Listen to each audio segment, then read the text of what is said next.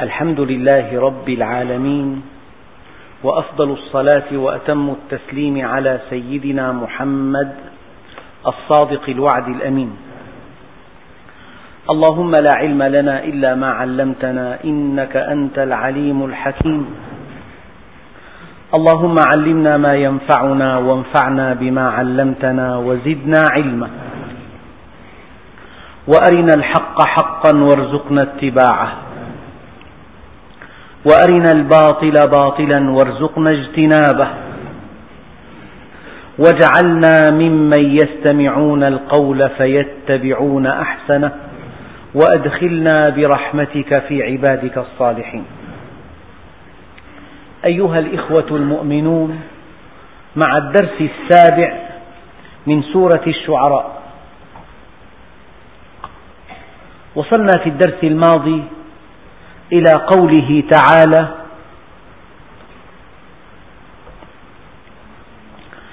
كذبت قوم نوح المرسلين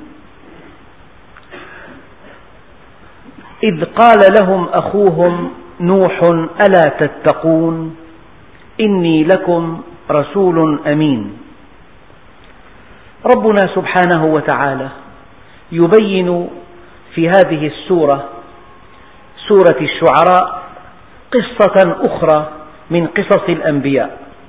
إنها قصة سيدنا نوح مع قومه. فهؤلاء القوم كذبوا نوحا. فلماذا قال الله عز وجل كذبت قوم نوح المرسلين؟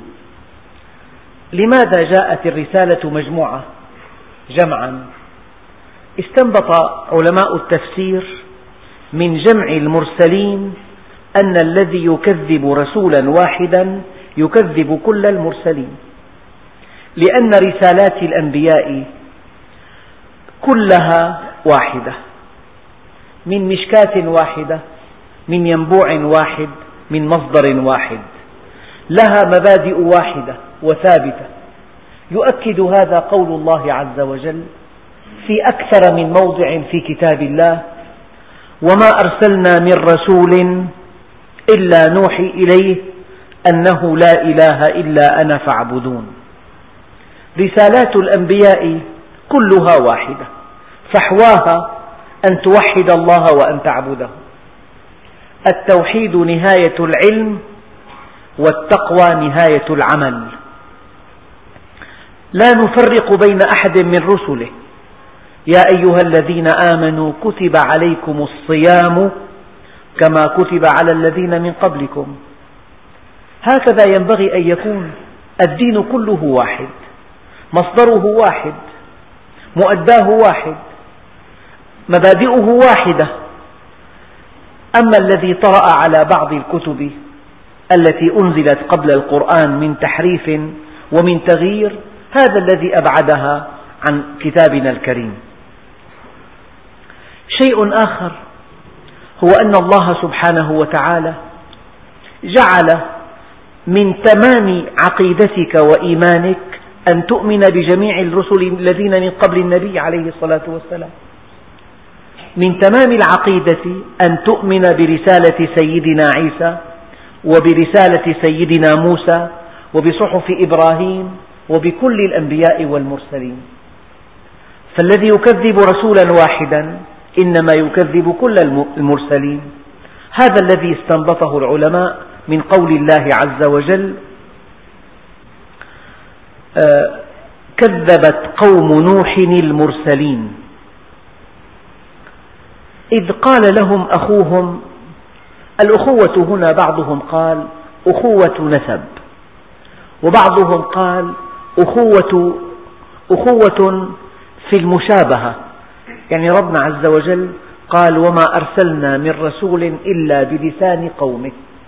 يعني هذا الرسول إنسان من لحم ودم. له مشاعر له عواطف له تفكير. لكن الله عز وجل أنعم عليه ووهبه النبوة واصطفاه على العالمين. لكنه في الأصل هو إنسان يشعر بما تشعر. يؤلمه ما يؤلمك يفرحه ما يفرحك.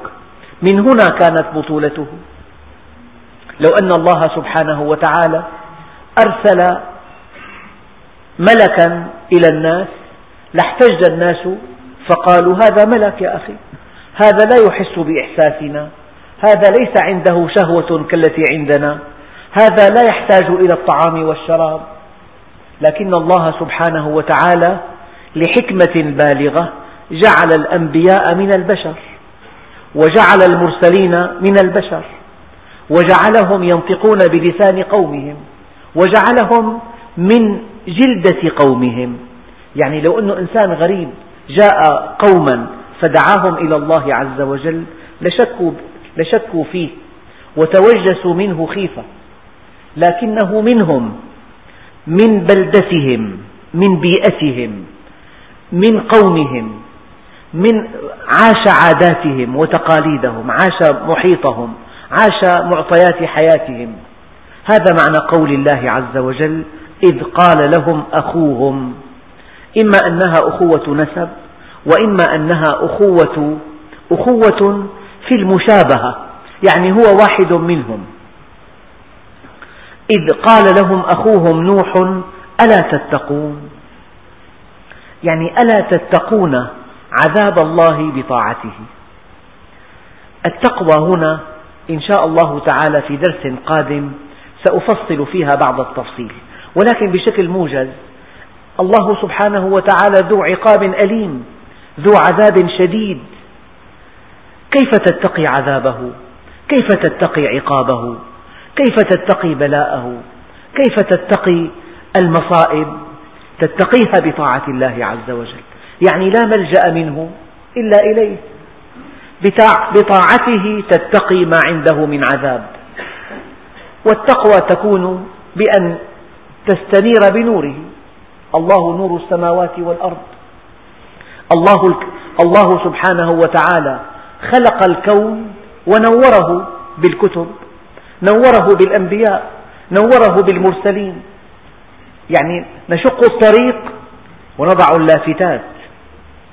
هنا منعطف خطر وهنا منزلق خطر وهنا تقاطع خطر وهنا جسر وهنا فرع وهذا الطريق إلى هنا وهذا إلى هناك. هذه اللوحات إنما هي إرشاد لسالكي هذا الطريق. هذا تشبيه. والله سبحانه وتعالى خلق الكون ونوره بالعلم. والعلم نور الكتاب نور. إذا التقوى كيف تتقي الحفر؟ كيف تتقي الوحوش؟ كيف تتقي الحشرات المؤذية؟ كيف تتقي المياه الآسنة كيف لا بد من مصباح شديد. بهذا المصباح الشديد ترى الخير خيرا والشر شرا. ترى الخير فتأخذه وترى الشر فتبتعد عنه. إني لكم رسول أمين. أمين. هذه الكلمة لها وقع لطيف. كلمة لها معان كثيرة. النبي عليه الصلاة والسلام قبل البعثة كان يلقب بالأمين. الأمين. في القرآن الكريم كلمات لها معان كثيرة. فمن السذاجة أن تظن لكلمة في القرآن معنى واحد. مثلا ربنا سبحانه وتعالى قال وأوحينا إليك يا محمد وقال الله عز وجل وأوحينا إلى أم موسى وإذ أوحى ربك إلى النحلة أن اتخذي فهل الوحي إلى النحلة؟ كالوحي إلى أم موسى كالوحي إلى النبي عليه الصلاة والسلام. طبعا كلمة الإيحاء لها معاني متعددة في القرآن الكريم. فمن ضيق الأفق ومن السذاجة أن تظن أن لكلمة واحدة في كتاب الله معنى واحد. وكلمة أمين هنا يعني هذه الكلمة ذات مدلولات واسعة جدا. وما من مفهومات ومدلولات نحن كمسلمين أحوج إليها منا. فالله سبحانه وتعالى قال إني لكم رسول أمين والأمانة من صفات الأنبياء الثابتة. الأنبياء لهم صفات ثابتة بل هي سمات عميقة. الصدق والأمانة والفطانة والعصمة. فالأمانة أحد صفات الأنبياء الثابتة. كلمة أمين لو عرضتها على إنسان لفهم منها شيئا معينا. يعني إذا أودعت عند هذا الإنسان شيئا ثم طالبته به يؤديه إليك في الوقت المناسب وبالحالة الجيدة هذا مفهوم الأمانة عند بعض الناس. ولكنك, ولكنك كإنسان على وجه الأرض أنت قد حملت الأمانة. يعني ما الذي يميز الإنسان عن الحيوان؟ ما الذي يميز الإنسان عن الملك؟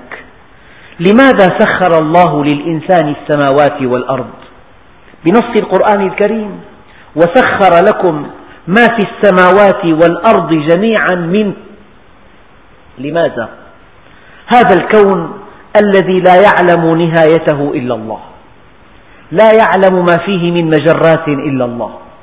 إذا كان التقدير الأولي مليون مليون مجرة إذا كان التقدير الأولي لما في المجرة من كواكب مليون مليون إذا كان بعض النجوم يتسع للشمس والأرض مع المسافة بينهما إذا كان بين أرضنا وبين بعض المجرات ما يزيد عن ستة عشر ألف مليون سنة ضوئية هذا الكون كله مسخر للإنسان لماذا؟ لم لم يسخر للقرود هذا الكون؟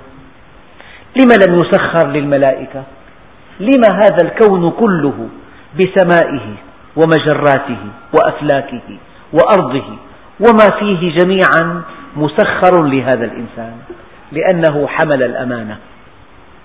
إنا عرضنا الأمانة على السماوات والأرض والجبال فأبين أن يحملنها وأشفقن منها وحملها الإنسان. يعني هذه الأمانة أيها الإنسان نفسك أودعها الله أمانة عندك فإما أن تزكيها وإما أن تدسيها. قد أفلح من زكاها وقد خاب من دساها. نفسك أمانة بين يديك. إما أن تعرفها بالله عز وجل وإما أن تبقيها جاهلة. إما أن تحملها على طاعة الله وإما أن تدلها على معصيته. إما أن تجعلها تتعلق بالجنة وما فيها وإما أن تجعلها تتعلق بالدنيا وما فيها. إما أن تجعلها صادقة أمينة مخلصة عفيفة صابرة منصفة تقية نقية طاهرة. وإما أن تجعلها لئيمة خسيسة دنيئة حقيرة ذميمة بخيلة شحيحة أنانية. طبعا قد أفلح من زكاها وقد خاب من دساها. يعني أخطر مفهومات الأمانة أنك حملت الأمانة فكنت إنسانا. لولا أنك حملت الأمانة فحملتها وقبلت حملها في حين أن السماوات والأرض أشفقن منها لما كنت إنسانا. فأتحسب أنك جرم صغير وفيك انطوى العالم الأكبر؟ إنك قد حملت الأمانة ونفسك أمانة. ولكن من أجل أن تهذب هذه النفس ومن أجل أن تعرفها بربها ومن أجل أن تحملها على طاعته ومن أجل أن تجعلها تقبل عليه من أجل أن تجعلها طاهرة من أجل أن تصبغها بصبغة الله عز وجل. أعطاك الله عز وجل مقومات الأمانة.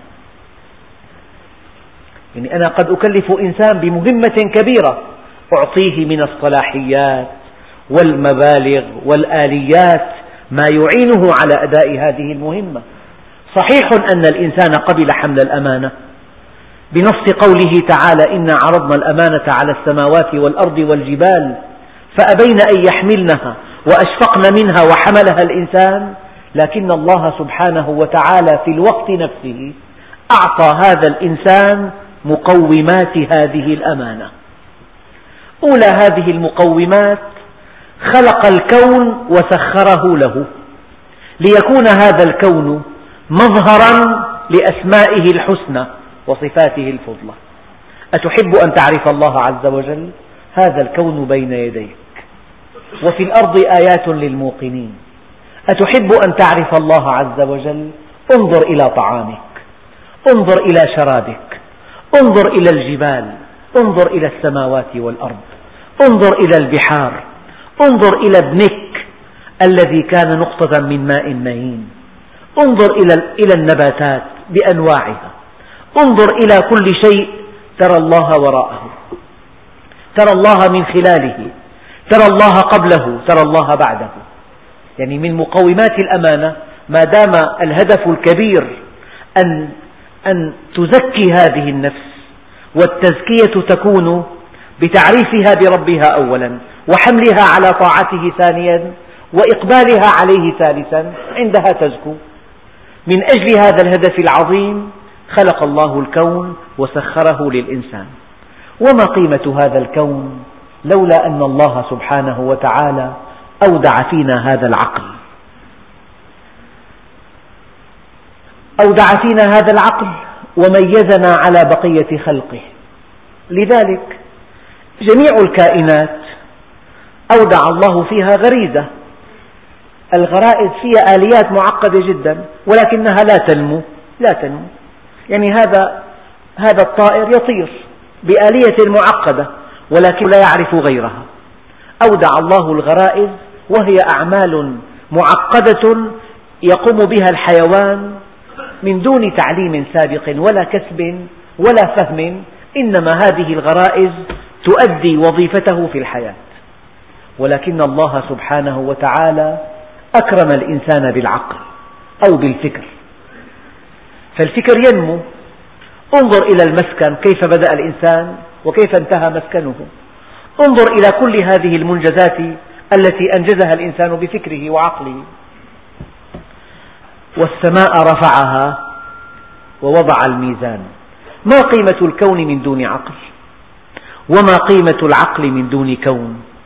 إنك بالعقل تعرف الله عز وجل. من خلال الكون. ولكن لئلا يضل هذا العقل. لئلا يختل. لئلا يطغى. لئلا يتجاوز. الله سبحانه وتعالى أنزل الكتاب. فجعل الكتاب ميزانا على الميزان. عقلك ميزان. وإذا اختل هذا الميزان فهناك ميزان يضبطه. ألا وهو الشرع. الكون أحد مقومات حمل الأمانة والعقل أحد هذه المقومات والشرع أحد هذه المقومات. كيف ترقى إلى الله؟ لا بد من شهوة يودعها الله فيك من أجل أن تدفعك إلى الله إيجابا أو سلبا. أودع في الإنسان حب المرأة فإذا غض بصره عن محارم الله ارتقى عند الله. وإذا فعل ما أباحه الله له ارتقى عند الله. في المرة الأولى ارتقى صابرا وفي المرة الثانية ارتقى شاكرا. حب المال وحب النساء وحب العلو في الأرض وأية شهوة أودعها الله في الإنسان ترقى بها مرتين. مرة إذا تركتها لله فأما من خاف مقام ربه ونهى النفس عن الهوى ومرة ترقى بها إذا فعلت ما أمرك الله بها. إذا هذا الكون وهذا العقل وهذه الشهوة وهذا الشرع ومنحك حرية الإرادة لتكون أعمالك ثمينة ذات قيمة. إنك تفعل هذا مختارا. هذا الاختيار حرية الاختيار مع الشهوة مع العقل مع الشرع مع الكون. هذه بعض مقومات حمل الأمانة. فإذا زكيت نفسك يعني إذا فكرت في الكون فعرفت الله. ودرست الشرع فعبدته من خلاله. بالكون تعرفه وبالشرع تعبده. فكرت في الكون فعرفت الله. إن في خلق السماوات والأرض واختلاف الليل والنهار لآيات لأولي الألباب. الذين يذكرون الله قياما وقعودا وعلى جنوبهم. ويتفكرون في خلق السماوات والأرض فبالكون تعرفه فإذا أردت أن تعبده بالشرع الذي أنزله الله على النبي عليه الصلاة والسلام تعبده. فكرت فيه فعرفته درست الشرع فعبدته أصبحت الآن في طاعته. إذا أصبح الطريق إليه سالكا أقبلت عليه فتجلى عليك فسعدت بقربه. المقومات جاهزة. الكون والعقل والشرع والشهوة والحرية والإرادة. هذا كله من مقومات حمل الأمانة. فإذا قرأت في القرآن الكريم إنا عرضنا الأمانة على السماوات والأرض والجبال فأبين أن يحملنها وأشفقن منها وحملها الإنسان فهذه اسمها أمانة التكليف. أمانة التكليف. وإذا وقفت أمام النبي عليه الصلاة والسلام في زيارتك له تقول أشهد أنك أديت الأمانة. هذا معنى آخر. أمانة التبليغ. قبل أن ينتقل النبي عليه الصلاة والسلام إلى الرفيق الأعلى قال كلمتين. قال جلال ربي الرفيع قد بلغت. يعني يا رب لقد بلغت الأمانة. لذلك النبي عليه الصلاة والسلام كان أمينا على رسالة الله عز وجل. ما زاد عليها ما أنقص منها ما كتم منها. يعني لما أصحابه قالوا مغتبطين إن الشمس قد كسفت لموت إبراهيم. ماذا فعل النبي؟ هذه لمصلحته. هذه القصة وهذا الفهم يرفع من شأن النبي أمام الناس. ماذا فعل النبي الكريم؟ جمع أصحابه وقام فيهم خطيبا وقال أيها الناس إن الشمس والقمر آيتان من آيات الله لا تنكسفان لموت واحد من خلقه. لا علاقة لهذا بموت إبراهيم. أمانة لأنه هي دجل هذا. هي أمانة. فهذه أمانة التبليغ. ولو تقول علينا بعض الأقاويل لو تكلم كلمة من عنده لو تكلم كلمة لصالحه لو تكلم كلمة ليس قانعا بها لو تكلم كلمة ليكسب بها منفعة. ولو تقول علينا بعض الأقاويل لأخذنا منه باليمين ثم لقطعنا منه الوتين. فما منكم من أحد عنه حاجزين. إذا لأذقناك ضعف الحياة وضعف الممات. أمانة التبليغ. هي أمانة أخرى. يعني الأنبياء أمناء الله في خلقه. لا ينطقون بكلمة إلا وفق الحق. أحد أصحاب النبي عليه الصلاة والسلام. قال له يا رسول إنك تغضب. فهل أكتب عليك في ساعة الغضب والرضا؟ فما كان من النبي عليه الصلاة والسلام إلا أن أمسك بفمه وقال والذي بعثني بالحق هذا اللسان لا ينطق إلا بالحق في الغضب والرضا. اكتب. يؤكد هذا قول الله عز وجل وما ينطق عن الهوى إن هو إلا وحي يوحى. لذلك قال علماء الأصول الوحي نوعان. وحي متلو وهو هذا القرآن ووحي غير متلو وهو كلام النبي عليه الصلاة والسلام. هذه أمانة التبليغ. الأمانة الأولى أمانة التكليف والأمانة الثانية أمانة التبليغ. أما العلماء فقد ألقى الله على عاتقهم أمانة كبرى وهي أمانة التبيين التبيين. الشرع مقنن وانتهى الأمر. ما على العالم إلا أن يبين للناس ما نقله عن النبي عليه الصلاة والسلام. لذلك ربنا عز وجل وصف الدعاة إلى الله فقال الذين يبلغون رسالات الله. يبلغون رسالات الله. ليس من عندهم شيء ولا كلمة ولا حرف. ابن عمر دينك دينك إنه لحمك ودمك. خذ عن الذين استقاموا ولا تأخذ عن الذين مالوا. ولا كلمة. إنما أنا متبع. قول سيدنا أبي بكر. ولست بمبتدع. إنما أنا متبع ولست بمتبع. من كان يعبد محمدا فإن محمدا قد مات ومن كان يعبد الله فإن الله حي لا يموت. لا يستطيع العالم أن يتكلم من عنده ولا كلمة ولا حرف إلا أن يأخذ عن كتاب الله ووفق ما ينبغي أن يفهمه من كتاب الله وإلا أن يأخذ عن رسول الله. هذه أمانة أخرى أمانة التبيين. لتبيننه للناس ولا تكتمونه. فالله سبحانه وتعالى قال عنهم الذين يبلغون رسالات الله ويخشونه ولا يخشون أحدا إلا الله.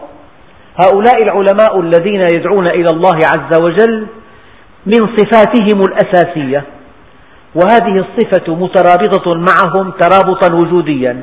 فإذا ألغيت ألغي وجودهم. أنهم يخشون الله وحده ولا يخشون أحدا إلا الله. فلو أنهم خافوا من غير الله لسكتوا عن الحق ويتكلموا بالباطل.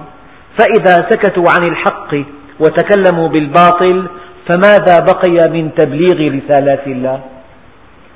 فهناك أمانة التكليف. أي إنسان حملها؟ قد أفلح من زكاها وقد خاب من دساها. نفسك أمانة بين يديك. وأكبر خسارة أن تخسر نفسك. قل إن الأخسرين الذين خسروا أنفسهم يوم القيامة. خسر نفسه. وضعها الله بين يديه أمانة فخسرها. الشيء الثاني أمانة التبليغ. وهي الأمانة التي أعطاها الله ألقاها الله على عاتق الأنبياء والمرسلين. والأمانة الثالثة أمانة التبيين وهي التي ألقاها الله على عاتق كل داعية إلى يوم القيامة. فإذا سكت عن شيء إرضاء لزيد أو عبيد فقد خان الأمانة. إذا تكلم شيئا ليس قانعا به ليجلب مصلحة له فقد خان الأمانة.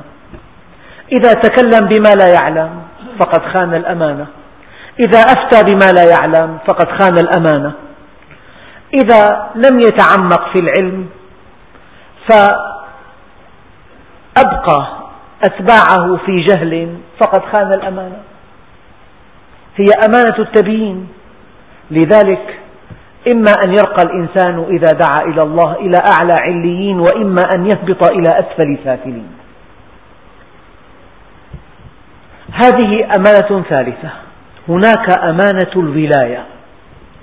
سيدنا عمر ابن عبد العزيز دخلت عليه فاطمة بنت عبد الملك فرأته يبكي وهو يصلي.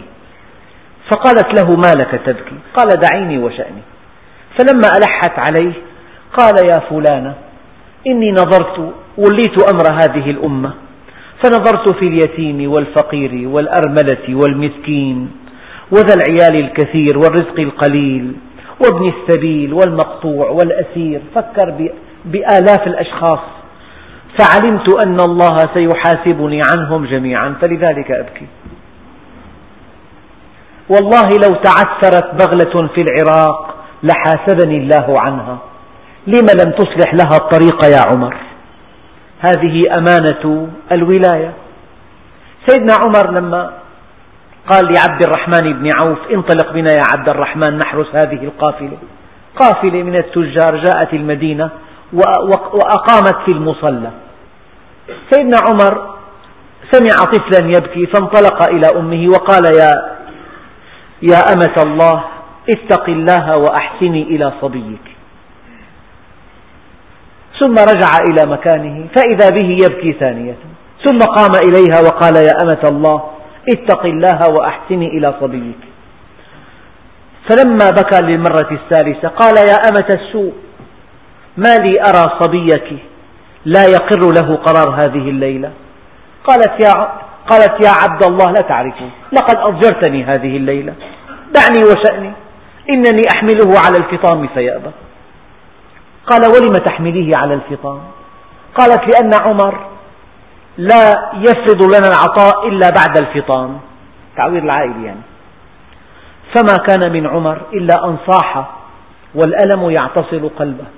ويحك يا ابن الخطاب كم قتلت من أطفال المسلمين. ثم نادى في الناس أرسل مناديا ينادي أن لا تعجلوا على صبيانكم إن العطاء سيفرض لكم حين الولادة. ووقف ليصلي الفجر فإذا أصحابه لا يسمعون قراءته من شدة بكائه. هذه أمانة التول أمانة الولاية. كان يقول ليت أم عمر لم تلد عمر ليتها كانت عقيمة. لو, الله لو أنزل الله أنه معذب واحدا من خلقه لظننت أنني أنا. هكذا كان يقول عمر. رضي الله عنه. كان عمر يقول أود أن أذهب من الدنيا لا لي ولا علي لا لي ولا علي هذه أمانة الولاية. هناك أمانة أخرى هي أمانة التولية التولية. سيدنا عمر عين واليا وقال له اذهب إلى عملك واعلم أنك مصروف رأس سنتك وأنك تصير إلى أربع خلال فاختر لنفسك. إن وجدناك أمينا ضعيفا استبدلناك لضعفك وسلمتك من معرتنا أمانتك. وإن وجدناك خائنا قويا استهنا بقوتك وأوجعنا ظهرك وأحسنا أدبك. وإن جمعت الجرمين الضعف والخيانة جمعنا عليك المضرتين وإن وجدناك أمينا قويا زدناك في عملك ورفعنا لك ذكرك وأوطأنا لك عقبك. ومر عين والي قال له ماذا تفعل إذا جاءك الناس بسارق أو ناهب؟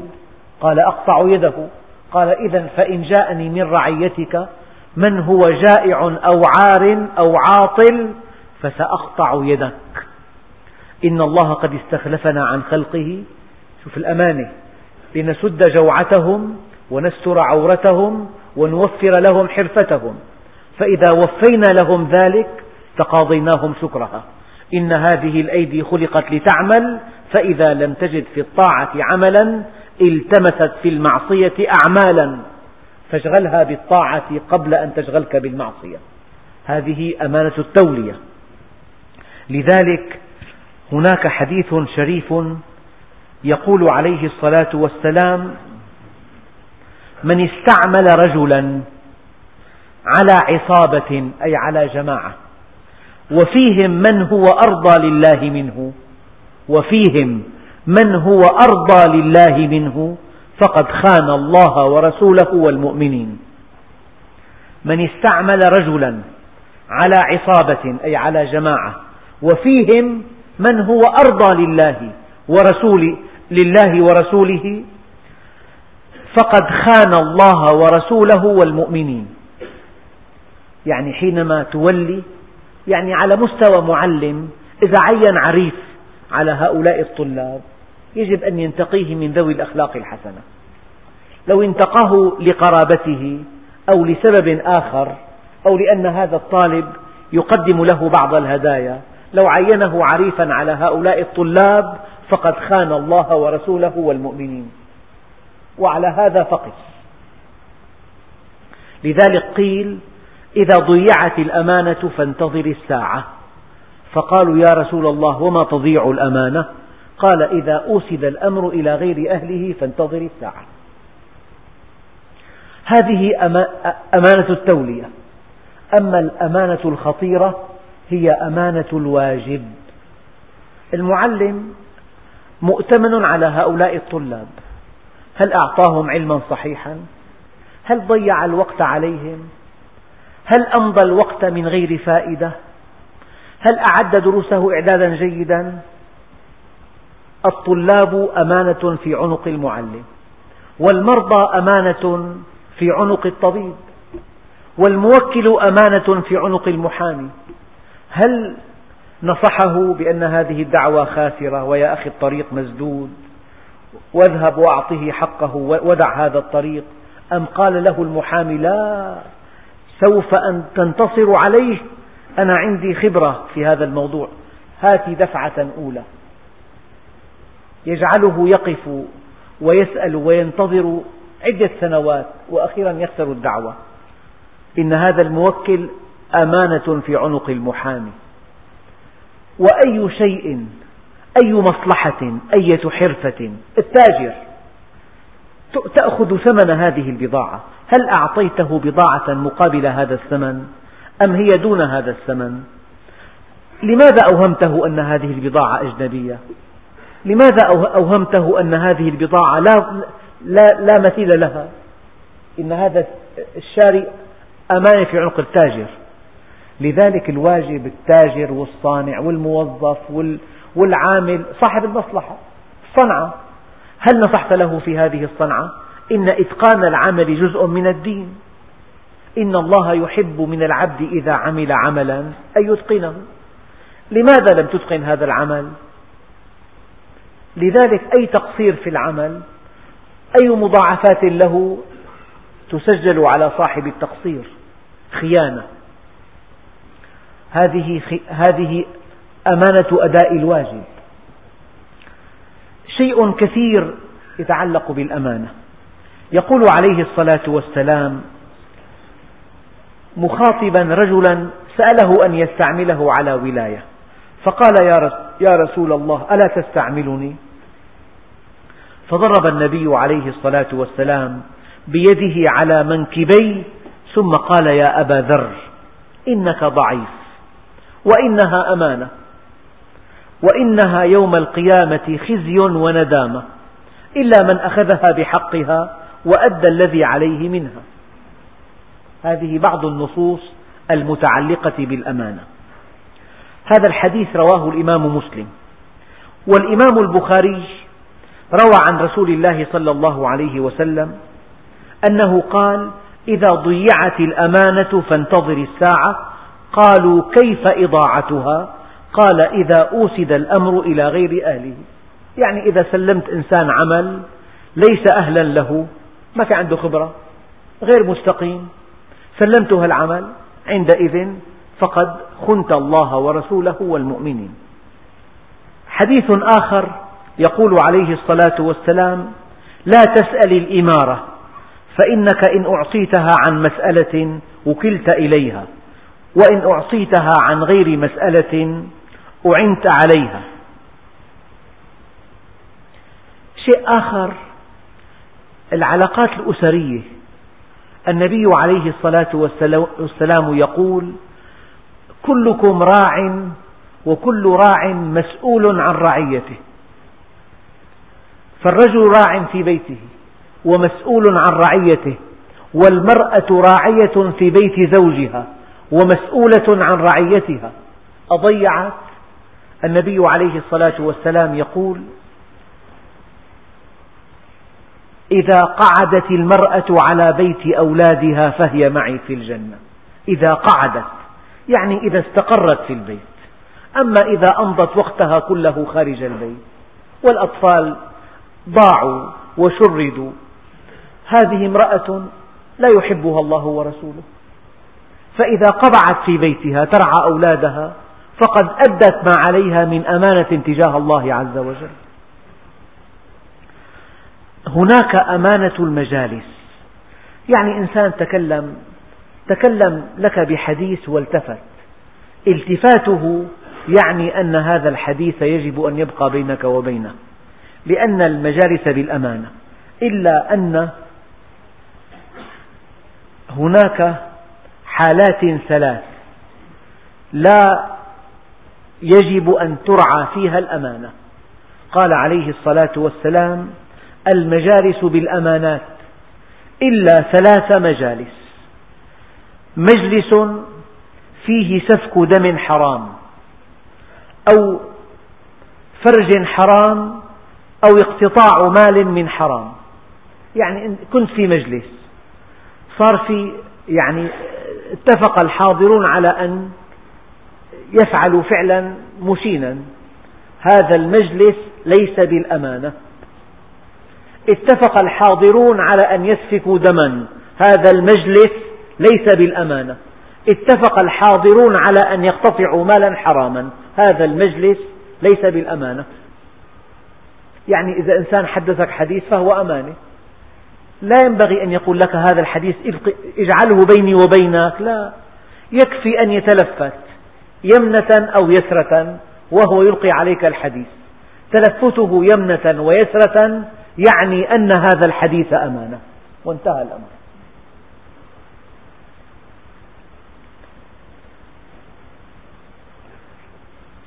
يقول النبي عليه الصلاة والسلام فيما رواه الإمام الترمذي أسلم من سلم المسلمون من لسانه ويده والمؤمن من أمنه الناس على أموالهم على دمائهم وأموالهم.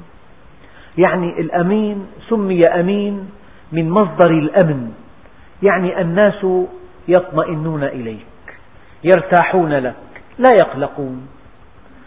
أنت مؤتمن على أموالهم وعلى أعراضهم وعلى دمائهم وعلى كل شيء يخافونه. فالمؤمن والأمين من اشتقاق واحد. هو أمين على أموال الناس. معنى أمين على أموال الناس. أيام بيكون الإنسان أخذ مبلغ وكاتب وصل. فإذا أنكر هذا المبلغ فهناك إيصال وهناك دعوة وهناك حجز على أمواله. التعريف الدقيق للأمانة أن تؤدي ما عليك من دون أن تكون مدانا أمام الناس. يعني إنسان أودع عندك مبلغ من المال ومات وما معه وصل. وأولاده لا يعلمون إطلاقا. فلو سكت على هذا المال لا أحد في الأرض يطالبك. ومع ذلك ذهبت إلى الورثة وقلت لهم إن أباكم قد أودع عندي هذا المبلغ فكلوه هنيئا مريئا. أن تؤدي ما عليك من دون إلزام ومن دون مسؤولية ومن دون إدانة ومن دون مطالبة فأنت أمين. أما إذا أديت ما عليك وهناك سند يحجز على أموالك هذا علاقة تجارية هذه. الأمين أن تعف عن أموال الناس وعن أعراضهم وعن كل شيء بحوزتك لهم من دون أن تكون مدانا عند الناس. هذا معنى دقيق. لذلك الأمين يخشى الله وحده ولا يخشى سواه. يؤدي ما عليه.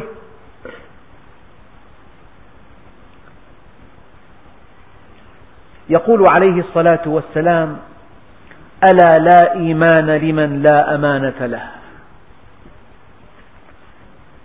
لا إيمان ينفي النبي عليه الصلاة والسلام عن الرجل الإيمان كله إذا كان ليس مؤتمنا.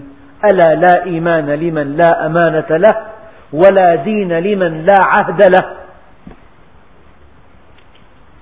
ويقول عليه الصلاة والسلام فيما رواه الإمام مسلم إذا حدث آية المنافق ثلاث إذا حدث كذب وإذا وعد أخلف وإذا اؤتمن خان.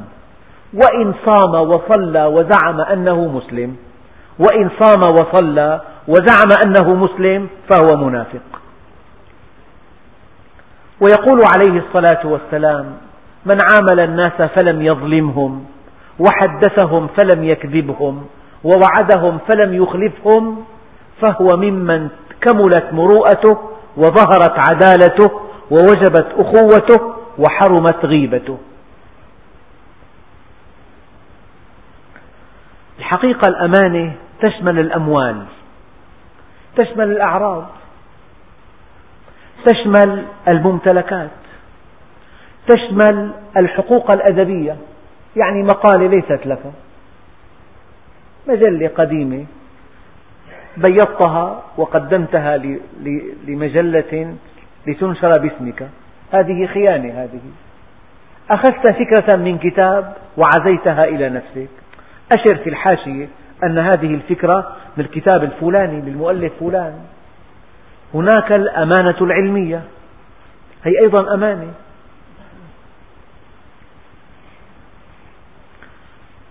فالغش خيانة لأن التصريح عن البضاعة مخالف للواقع. الغش يدخل في الخيانة. عكس الأمانة. التطفيف خيانة عكس الأمانة. يعني إذا أعطيته وزنا أقل من من الوزن المتفق عليه. هذه خيانة. الغلول أيام تلاقي بالسحارة في تلتا ورق حشيش تلت. وأخذ على الوزن الكامل. إيه، وفوق نوع وتحت نوع. والتلت حشيش والسحارة بالمي منقوعة. وزنها ستة كيلو انحست كيليين فقط. إيه، هي دخلت بالخيانة دخلت. الغلول أخذ الأموال العامة. إبلاغ الرسالات. النصيحة. الأمر بالمعروف. النهي عن المنكر. إعطاء الحقوق لأصحابها. العدل. أداء الودائع هذا كله من الأمانة. لذلك الذي جعلنا نخرج عن كلمة أمانة نخرج عن سياق الآيات إلى موضوع الأمانة قول الله عز وجل إني لكم رسول أمين. فالأمانة صفة ملازمة للمؤمن. أذن أو محمد إني لكم رسول أمين فاتقوا الله وأطيعوني وما أسألكم عليه من أجر. لم يقل الله عز وجل وما أسألكم عليه أجرا من أجر. يعني مهما دنا هذا الأجر مهما كان طفيفا لا أسألكم عليه. يعني نفي أشد أنواع النفي. من الاستغراق أدق الجزئيات ما أسألكم عليه من أجر. حتى بعض الأجر حتى الأجر المعنوي. إن أجري إلا على رب العالمين فاتقوا الله وأطيعون. قالوا أنؤمن لك واتبعك الأرذلون؟ يبدو أن وجهاء قومه لا يستسيغون أن يجلسوا مع عامة الناس ومع الفقراء والمساكين. الأرذلون هنا الفقراء. قال وما علمي بما كانوا يعملون؟ إن حسابهم إلا على ربي لو تشعرون. يعني أنا ما شأني وشأنهم. أنا علاقتي معهم علاقة الهدى. أما إن كانوا فقراء أو كانوا أغنياء إن كانوا وجهاء أو كانوا مغمورين هذا ليس من شأني أن أحاسبهم عليه. وما أنا بطارد المؤمنين. لكن رب أشعث أغبر ذي طمرين مدفوع بالأبواب لو أقسم على الله لأبره. هذا الذي تظنه فقيرا ليس له شأن. قد يكون له شأن عند الله لا ترقى إليه النفوس الكبيرة. إن أنا إلا نذير مبين قالوا لئن لم تنته يا نوح لتكونن من المرجومين. يعني نقتلك. لئن, لئن لم تنته يا نوح لتكونن من المرجومين. فقال قال رب إن قومي كذبون فافتح بيني وبينهم فتحا. يعني احكم بيننا يا رب. وانصرني عليهم ونجني ومن معي من المؤمنين. فأنجيناه ومن معه في الفلك المشحون ثم أغرقنا بعد الباقين. إن في ذلك لآية وما كان أكثرهم مؤمنين. وإن ربك لهو العزيز الرحيم. يعني كل قوم كذبوا نبيهم واستخفوا بدعوته. الله سبحانه وتعالى أهلكهم عن آخرهم. وفي درس قادم إن شاء الله تعالى ننتقل إلى قصة أخرى ولكن قصة قصيرة متعلقة بالأمانة غابت عن ذهني. أبو لبابة صحابي جليل طلب بنو قريظة أن يوفده النبي إليهم ليستشيرهم ليستشيروه فيما هم صانعون بعد أن خان بنو قريظة رسول الله. يبدو أنه تكلم معهم ولكن أشار إليهم إشارة تنبئ بما سيفعله النبي معهم. هذه الإشارة. هكذا قال. يبدو أنه شعر أنه خان الله ورسوله. وعاد إلى المسجد وربط نفسه بسارية المسجد. فكانت تأتيه زوجه فتفكه ليصلي وليأكل ثم يعود إلى وثاقه إلى أن تاب الله عليه بعد تسعة أيام. وأنزل الله فيه قرآنا فقال الله عز وجل وآخرون اعترفوا بذنوبهم خلطوا عملا صالحا وآخر سيئا. عسى الله أن يتوب عليهم. إن الله غفور رحيم. فلما آه، نزل هذا نزل نزلت هذه الآية لم يأبى إلا أن يفك النبي عليه الصلاة والسلام وثاقه. لما فك وثاقه عاهد الله عز وجل على أن ينزل عن ماله كله في سبيل الله. لكن النبي عليه الصلاة والسلام أمره أن يوزع الثلث فقط. يعني أشار إشارة. هذه الإشارة فيها خيانة عظمى. فالقضية أيام الإنسان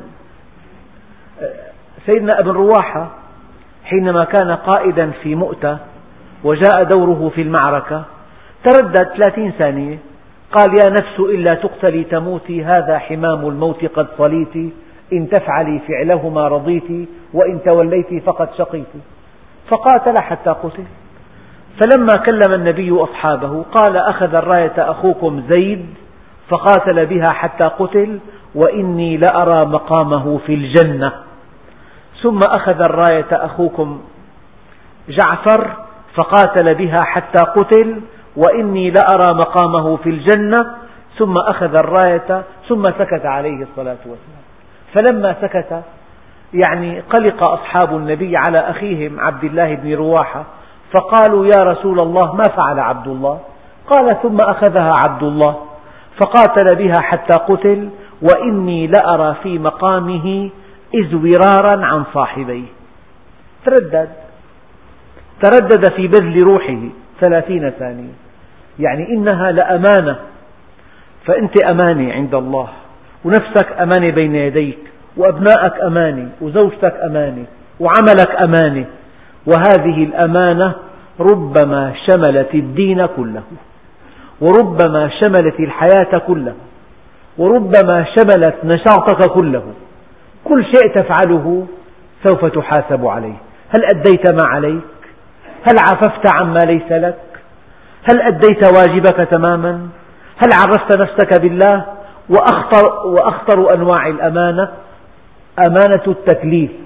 قد أفلح من زكاها وقد خاب من دساها والحمد لله رب العالمين.